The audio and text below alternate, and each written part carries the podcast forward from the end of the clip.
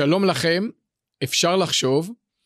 איתנו כאן הפעם פרופסור משה קופל, יושב ראש פורום קהלת ופרופסור אמריטוס למדעי המחשב באוניברסיטת בר אילן. שלום לך משה ותודה שבאת כאן לשוחח איתי. שלום הרב חיים, שמח להיות פה איתך. אז אני אדבר איתך היום לא הרבה על פורום קהלת, לא הרבה על מדעי המחשב, אדבר איתך בעיקר על ספר חדש, מעניין מאוד ומוצלח מאוד בעיניי שאתה כתבת. הספר הוא לחיות כמו יהודי, כותרת המשנה שלו, מדוע תמשיך המסורת לקבור את מנבאי מותה, יצא לאור בספריית שיבולת בהוצאת סלע מאיר. ספר מוצלח ומעניין, מעלה טיעון לא שגרתי, גם במתודה, גישה לא שגרתית. אני אנסה ברשותך לסכם את הטיעון המרכזי בעיניי של הספר, תגיד לי אם אני צודק, בסדר? בוא ננסה את זה. אוקיי. החברה המערבית בחרה כבר הרבה מאוד זמן בנתיב מאוד אינדיבידואליסטי, מאוד ליברלי. ואתה לא מערער על זה כנקודת מוצא. אבל אתה אומר כך, גם החברה הליברלית מכירה בזה שאנשים צריכים לתפקד ביחד. והם לא יכולים לחיות כל אחד על אי בודד. המענה של החברה הליברלית הוא הגישה החוזית.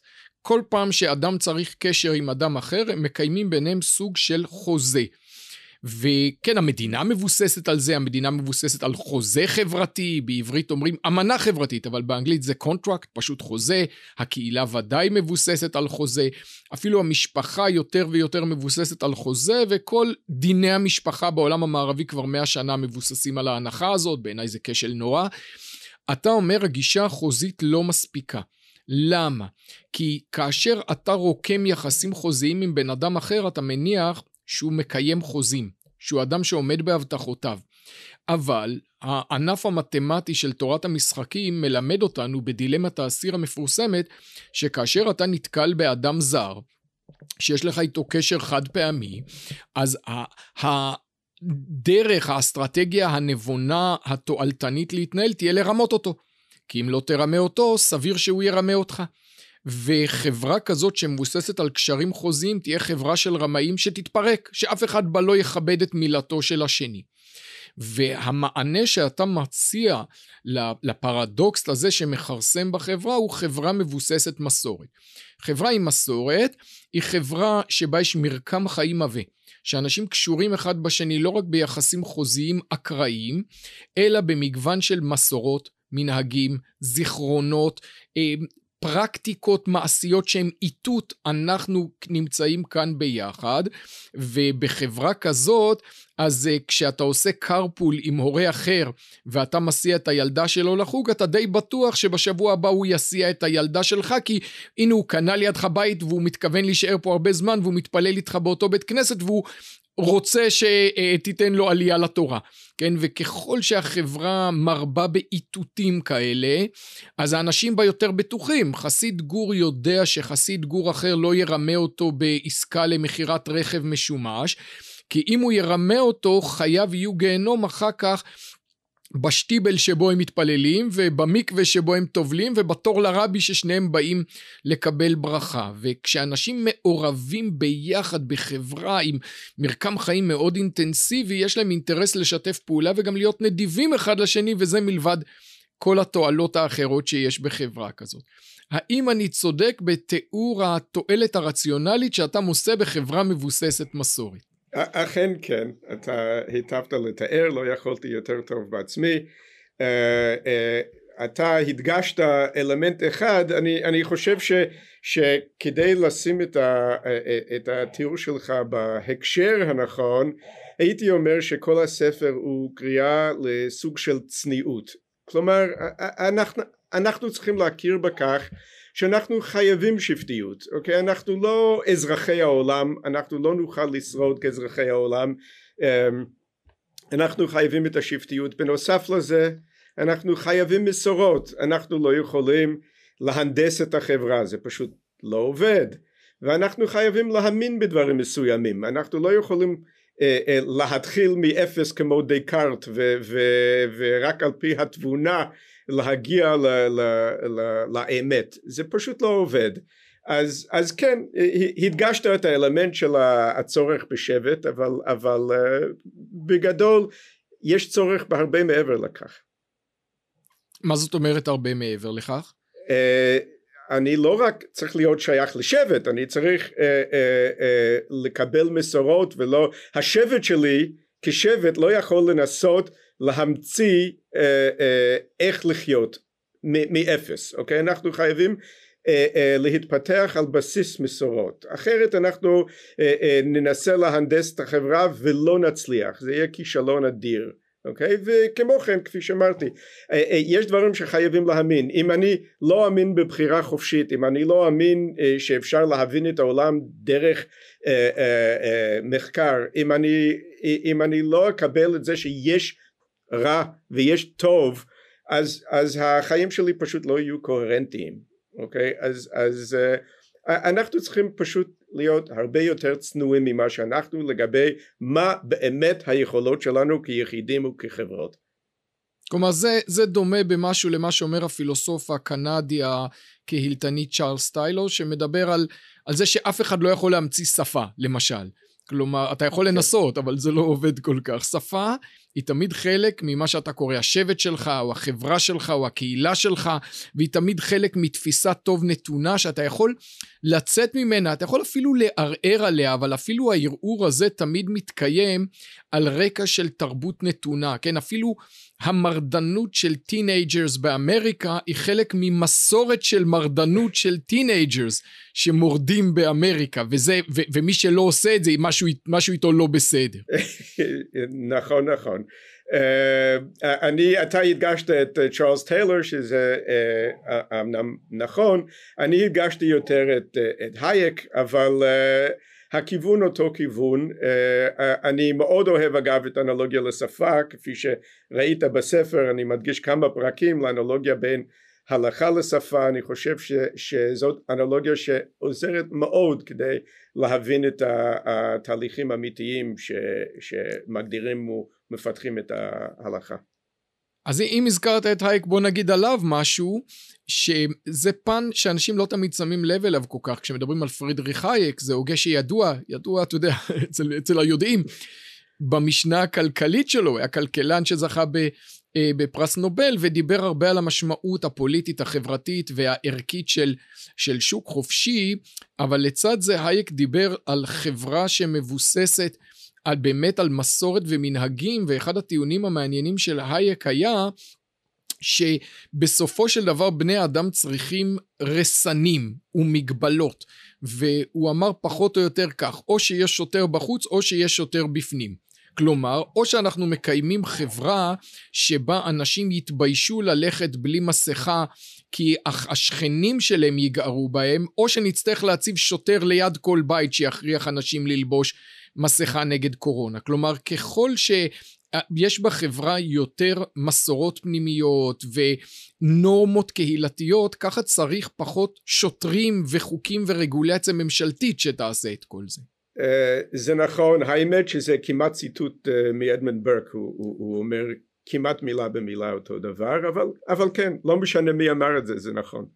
לא, זה, זה מעניין כי הרבה פעמים תוקפיו של הייק או של מי שמאמין בשוק חופשי לא ערים לנקודה הזאת, הם מפרשים את גישת השוק החופשי כאילו המשמעות שלה זה איש לאוהליך ישראל, פירוק כל המרקם החברתי, בעוד הייק, וזה נכון שגם ברק לפניו, ברק שהיה ידיד טוב של אדם סמית, הדגישו שוב ושוב, זה לא כך. שוק חופשי מניח חברה שיש בה אנשים מוסריים שקשורים בקהילה שהתביישו לרמות את החברים שלהם. נכון מאוד. או גם אנשים אחרים.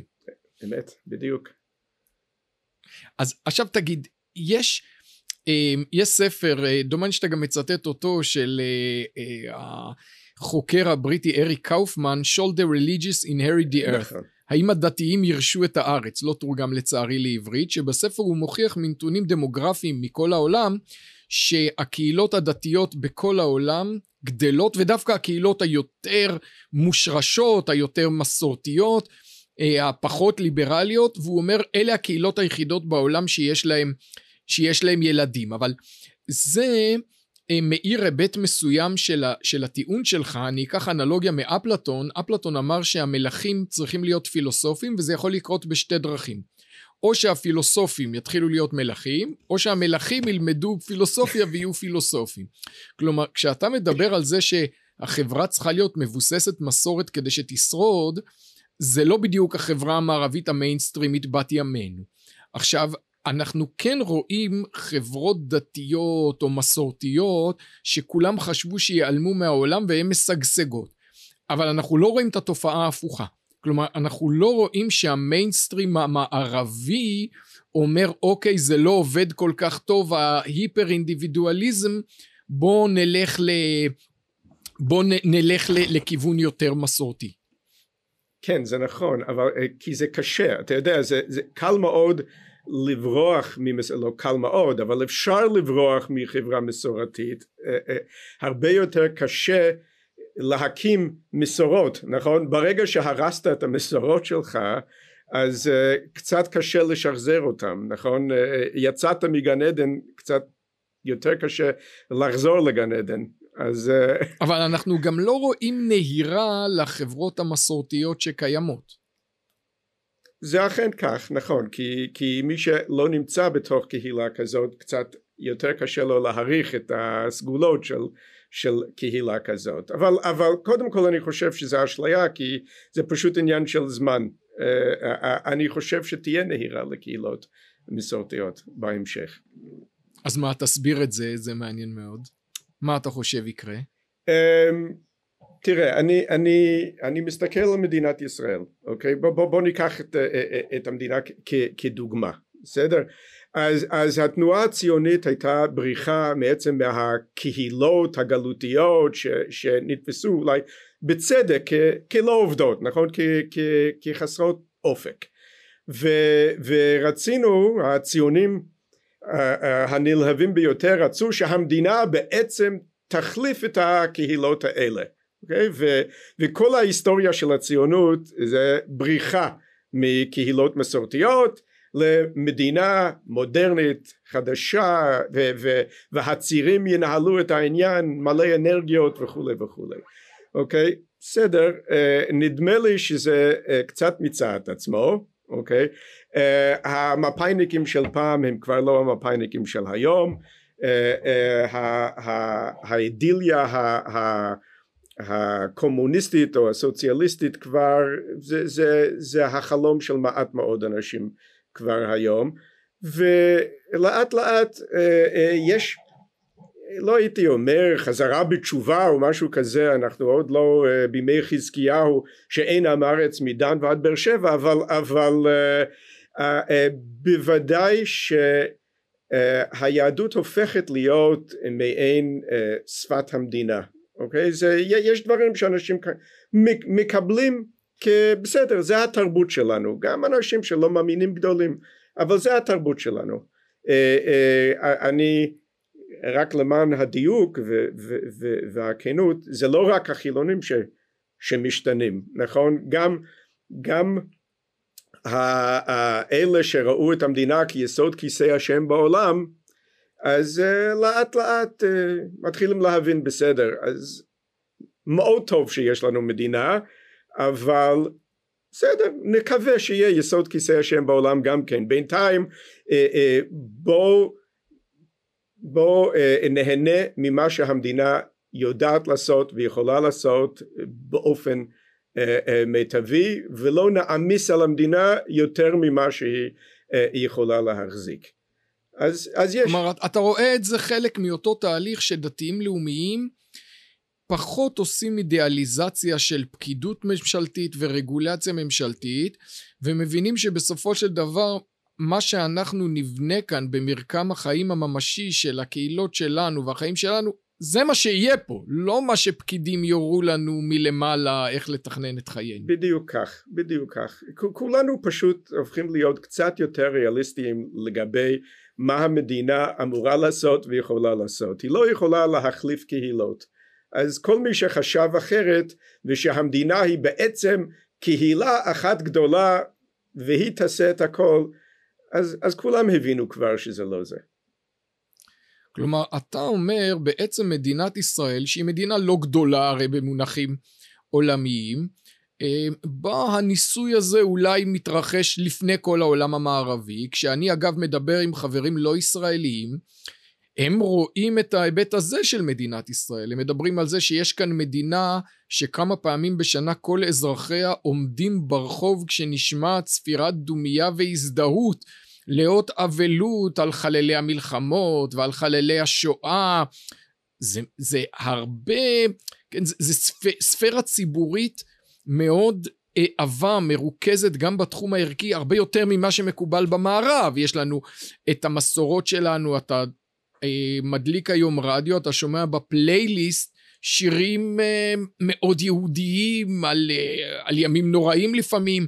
כלומר במידה מסוימת אתה אומר התהליך הזה כבר מתרחש שאולי מה שנדמה לנו בולט יותר זה ההייטקיזציה של ישראל ותהליכים אה, שקורים במדינת תל אביב אבל לצד זה מתחולל כאן אה, אה, תהליך של מסורטיזציה של, ה, של הישראלים. כן כן בדיוק כך.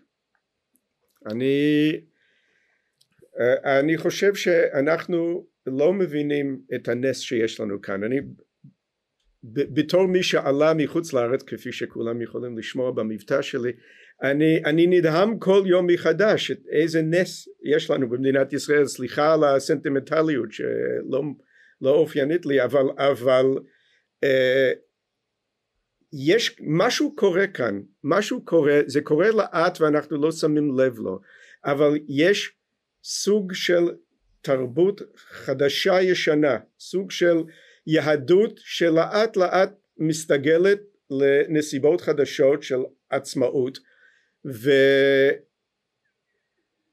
קורה. אני שומע את זה במוזיקה אני רואה את זה באומנות אני שומע את זה בשיחות של יום יום זה קורה ואנחנו לא מספיק מעריכים את זה ולפעמים אנחנו חושבים כי אנחנו שומעים תמיד, תמיד את הקולות הכי הכי אה, קיצוניים שזועקים החרדים הכי קיצוניים והאנטי דתיים הכי קיצוניים. אותם אנחנו שומעים והסושיאל נטוורקס גם אה, נותנים יותר אה, נוכחות לקולות הקיצוניים האלה. אבל בפועל מה שקורה שמתרקמת כאן תרבות ישראלית יהודית. אבל אני, אני אדגיש משהו תגיד לי אם אתה מסכים איתי. יש לי ולך חברים שמדברים במין אה, אה, גישה רומנטית על יהדות חדשה שתמחק את שנות הגלות ותחזור לחיים פה בארץ ישראל. אני מתרשם מהספר שלך, הספר שלך כתוב אה, באופן אה, נרטיבי כתולדותיו, הגיבור שלו, הגיבור הבדוי או בדוי למחצה הוא שימן, חסיד גור לשעבר שבעיניך משמר את אורח החיים הזה.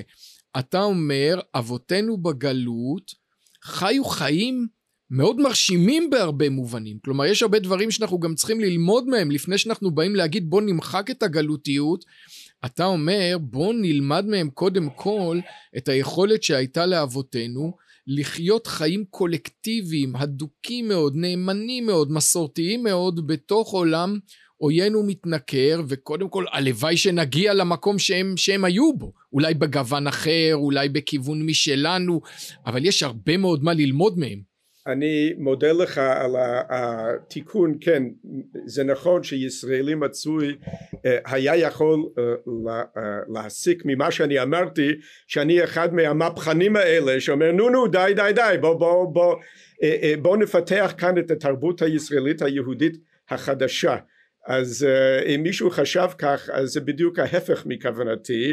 Uh, אני חושב שכל מה שקורה כולל במדינת ישראל צריכה להיות תהליך אבולוציוני איטי.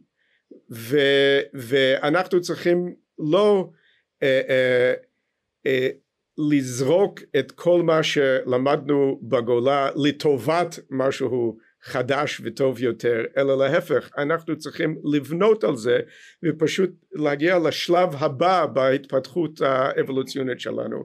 אבל הכל צריך כמובן להיות מאוד מאוד איטי ובעיקר מתוך כבוד לניסיון שצברנו במשך אלפי שנים. ואתה חושב שאנחנו בדרך לשם, כלומר שתצמח לנו חברה עם יותר ויותר מנהגים ישראליים, כמו למשל המנהג ביום הכיפורים לא, אה, לא לנסוע ברכב, כן? גם ישראלים שלא שומרי הלכה ולא שומרי תורה ומצוות משאירים את המכונית בחנייה ביום הכיפורים, יכול להיות שהם לא שומרים את היום כהלכתו, אולי אפילו לא מקצת מזה, אבל מין מנהג ישראלי כזה. אתה רואה את זה מתפשט לתחומים נוספים, אתה רואה אפשרות למשל שאנחנו נראה שבת ישראלית ברחובות שלנו, שגם אנשים לא שומרי שבת כן יתחילו לציין את השבת באופן מיוחד? אני חושב שכן, אני, אני חושב שלהתמקד בדוגמה מסוימת תמיד הופכת את, ה, הופך את העניין לקצת טריוויאלי, בסדר? אוקיי, נו, נו, בסדר, אופניים ביום כיפור, זה יפה, אבל לא, לא רציני ולא חשוב ולא, זה לא איזו תופעה עמוקה שהייתי לוקח את זה כ, כאבן יסוד שעליו אפשר לבנות. אה, חוץ מזה כשמרן אינני מתיימר לדעת לאן התהליך הזה מוביל אוקיי? אני רוצה לחיות את ההליך את התהליך הזה. אני לא אני אינני יודע לאן זה יגיע בסופו של דבר אבל מה שאני כן חושב שבדיוק כמו שמן הדמות שאני תיארתי בספר חסיד חסיד גור אחרי השואה שהוא היה מאוד מפוכח ומאוד ריאליסטי ושהיהדות ישבה עליו באופן מאוד אה, טבעי ושהיהדות שלו הייתה מאוד אותנטית אני, אני צופה שבמדינת ישראל אה, אה, תתפתח יהדות אותנטית ולא אידיאולוגית אה, יהדות אה, אה, אורגנית אה, ובדיוק איך, איך הוא נראה אני לא יודע. אה, אני חושב שבוא נחזור למשל שאתה העלית לפני כן שפה הלכה ושפה. אני חושב שמה שקורה ש... היהדות לאט לאט הופכת להיות שפת המדינה. לא שפה במובן הרגיל כלומר כמטאפורה. אה, זה ברירת המחדל. כל יהודי שחי בארץ ישראל במדינת ישראל לאט לאט ברירת המחדל שלו השפה שמדברים כאן תהיה שפה יהודית. האם זה אומר ש, ש, שכל תינוק אה, ידע את כל הלכות טומאה וטהרה אני לא בטוח בסדר? אבל אבל אה, אה, גם גם בימי הנביאים אה, לא כולם היו צדיקים אחרת הנביאים לא היו עסוקים כל הזמן בלהוכיח אותם נכון?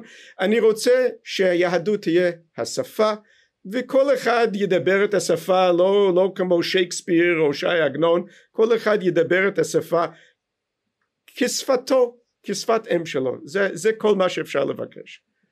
אתה מדבר על שפה כמטאפורה אני אתן דוגמה משפה ממש במובן הפשוט קראתי ספר של הרב יונתן זקס המנוח משנת 2010 הוא אמר בישראל אף פוליטיקאי בכיר לא מזכיר יהדות או אלוקים בנאומים שלו הוא סיפר איך בשנות התשעים הוא היה בטקס חנוכת בית המשפט העליון. מה, אף אחד לא הזכיר פסוק, מה אם ציון במשפט תיפדה ושביה בצדקה? כלום, כלום, רק דיברו על הדמוקרטיה.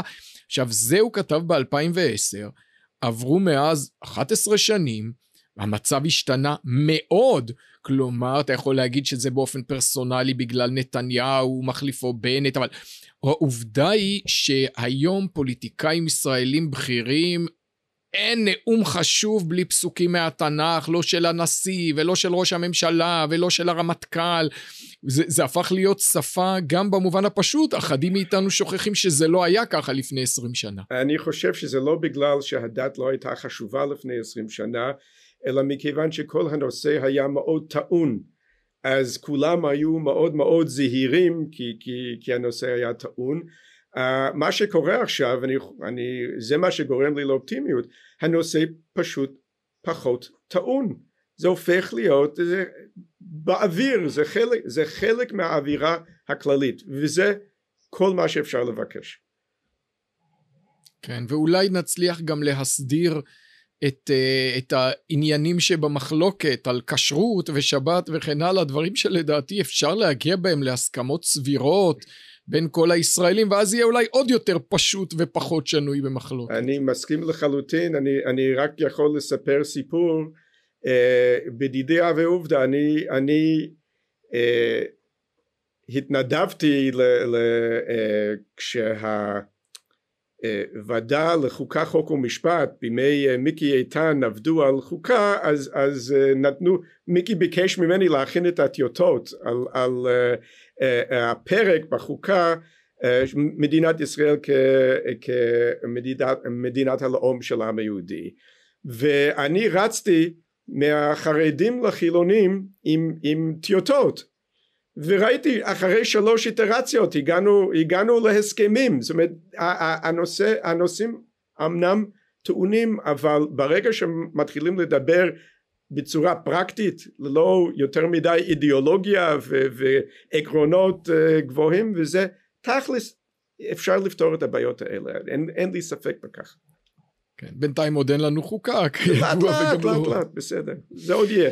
חוקה זה גם לא הדבר הכי דחוף. באמת כן, לא הדבר הכי דחוף, לא. לפני זמן קצר הייתי באיזה דיון או אה, רב שיח עם אה, אה, חוקרת אה, ישראלית אחת, אישה אה, משכילה, והיא אמרה לכל מדינה בעולם יש חוקה מלבד מדינת ישראל, הזכרתי, כן? כן. לא בדיוק, לא, לא בדיוק, בדיוק, נכון? לאנגליה אין חוקה. אנחנו כן, הולכים כן. לחיות בלי זה, כמו שאתה אומר, העיקר הוא החיים הממשיים ולא ה...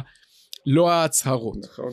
עכשיו תראה, אה, עיתון הארץ בשנה שנתיים האחרונות יש לו שני דברים שהוא נלחם נגדם באופן אובססיבי. האחד זה הילודה היהודית בישראל והשני הוא פורום קהלת.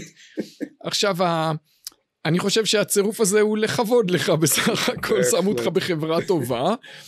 בוא נגיד דבר קודם על, ה, על הילדים אני חושב שמהזווית שלהם לא סתם הם שמים את זה על הכוונת. העובדה שישראל היא המקום היחיד במערב שהילודה בו עולה על שיעור התחלופה, שהוא השיעור הנחוץ להשאיר את החברה בגודל שלה, בעיניי זה, זה דבר שאומר הרבה. כלומר, ההחלטה ללדת ילד היא החלטה פרטית של איש ואישה, אבל בסופו של דבר חברה שאין בה ילדים, וזה כל החברות במערב בימינו מלבד ישראל, היא חברה שלא מאמינה בעתיד.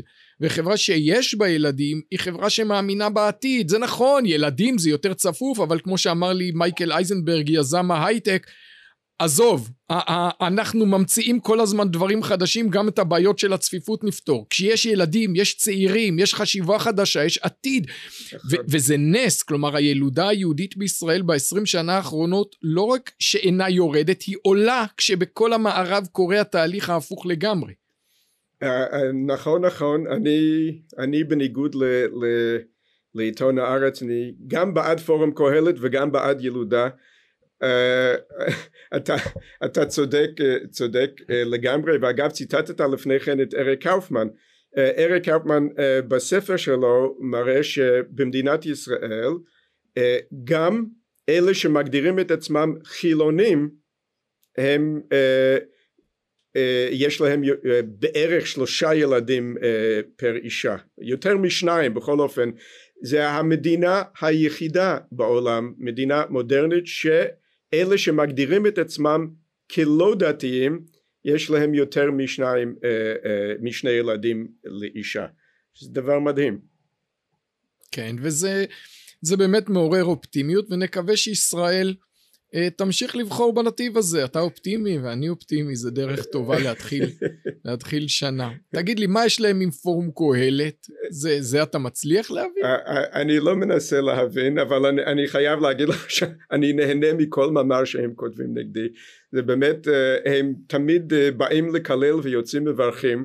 אה, אומרים שאני בעד שוק חופשי, שאני בעד מסורת, שאני נגד אה, בירוקרטיה ונגד רגולציה, שאני נגד אה, סמכויות יתר שבית המשפט נטל לעצמו, כן אני בעד כל, כל מה שהם אומרים זה נכון לגמרי, אני בעד מה שהם אומרים שאני בעד ואני מתנגד למה שהם אומרים שאני מתנגד, רק שאני חושב שאלה העמדות הנכונות.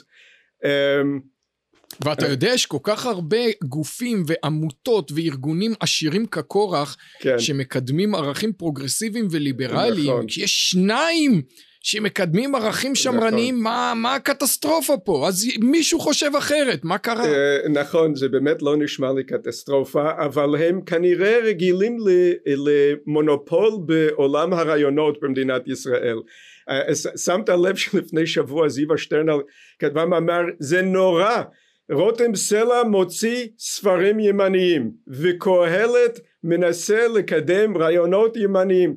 זה, זה כאילו, כלומר זה לא אמור להיות, ימניים צריכים להיות בבונים, ככה אנחנו רוצים אותם, שיהיו אידיוטים, שלא ידברו על רעיונות, רעיונות זה, זה אצלנו, זה, זה, זה באמת משעשע מאוד אני חייב להגיד, אבל שימשיכו אה, לכתוב זה יקרה. וגם שאתה תמשיך לכתוב אה, את שלך ולעשות את כל הדברים הטובים שאתה עושה, כי רעיונות חשובים ומקוריים הם חלק ממה שתומך בהתפתחותה של חברה אה, בריאה ושמחה שעליה אתה מדבר ושכולנו מייחלים לה וחלק מזה עשית אה, עשית בספרך לחיות כמו יהודי חלק מזה בפעולות טובות אחרות שאתה עושה אז אה, אני מודה לך גם על הדברים הטובים שאתה עושה באופן כללי אבל גם על השיחה המעניינת הזאת. תודה לך פרופסור משה קופל. תודה רבה לך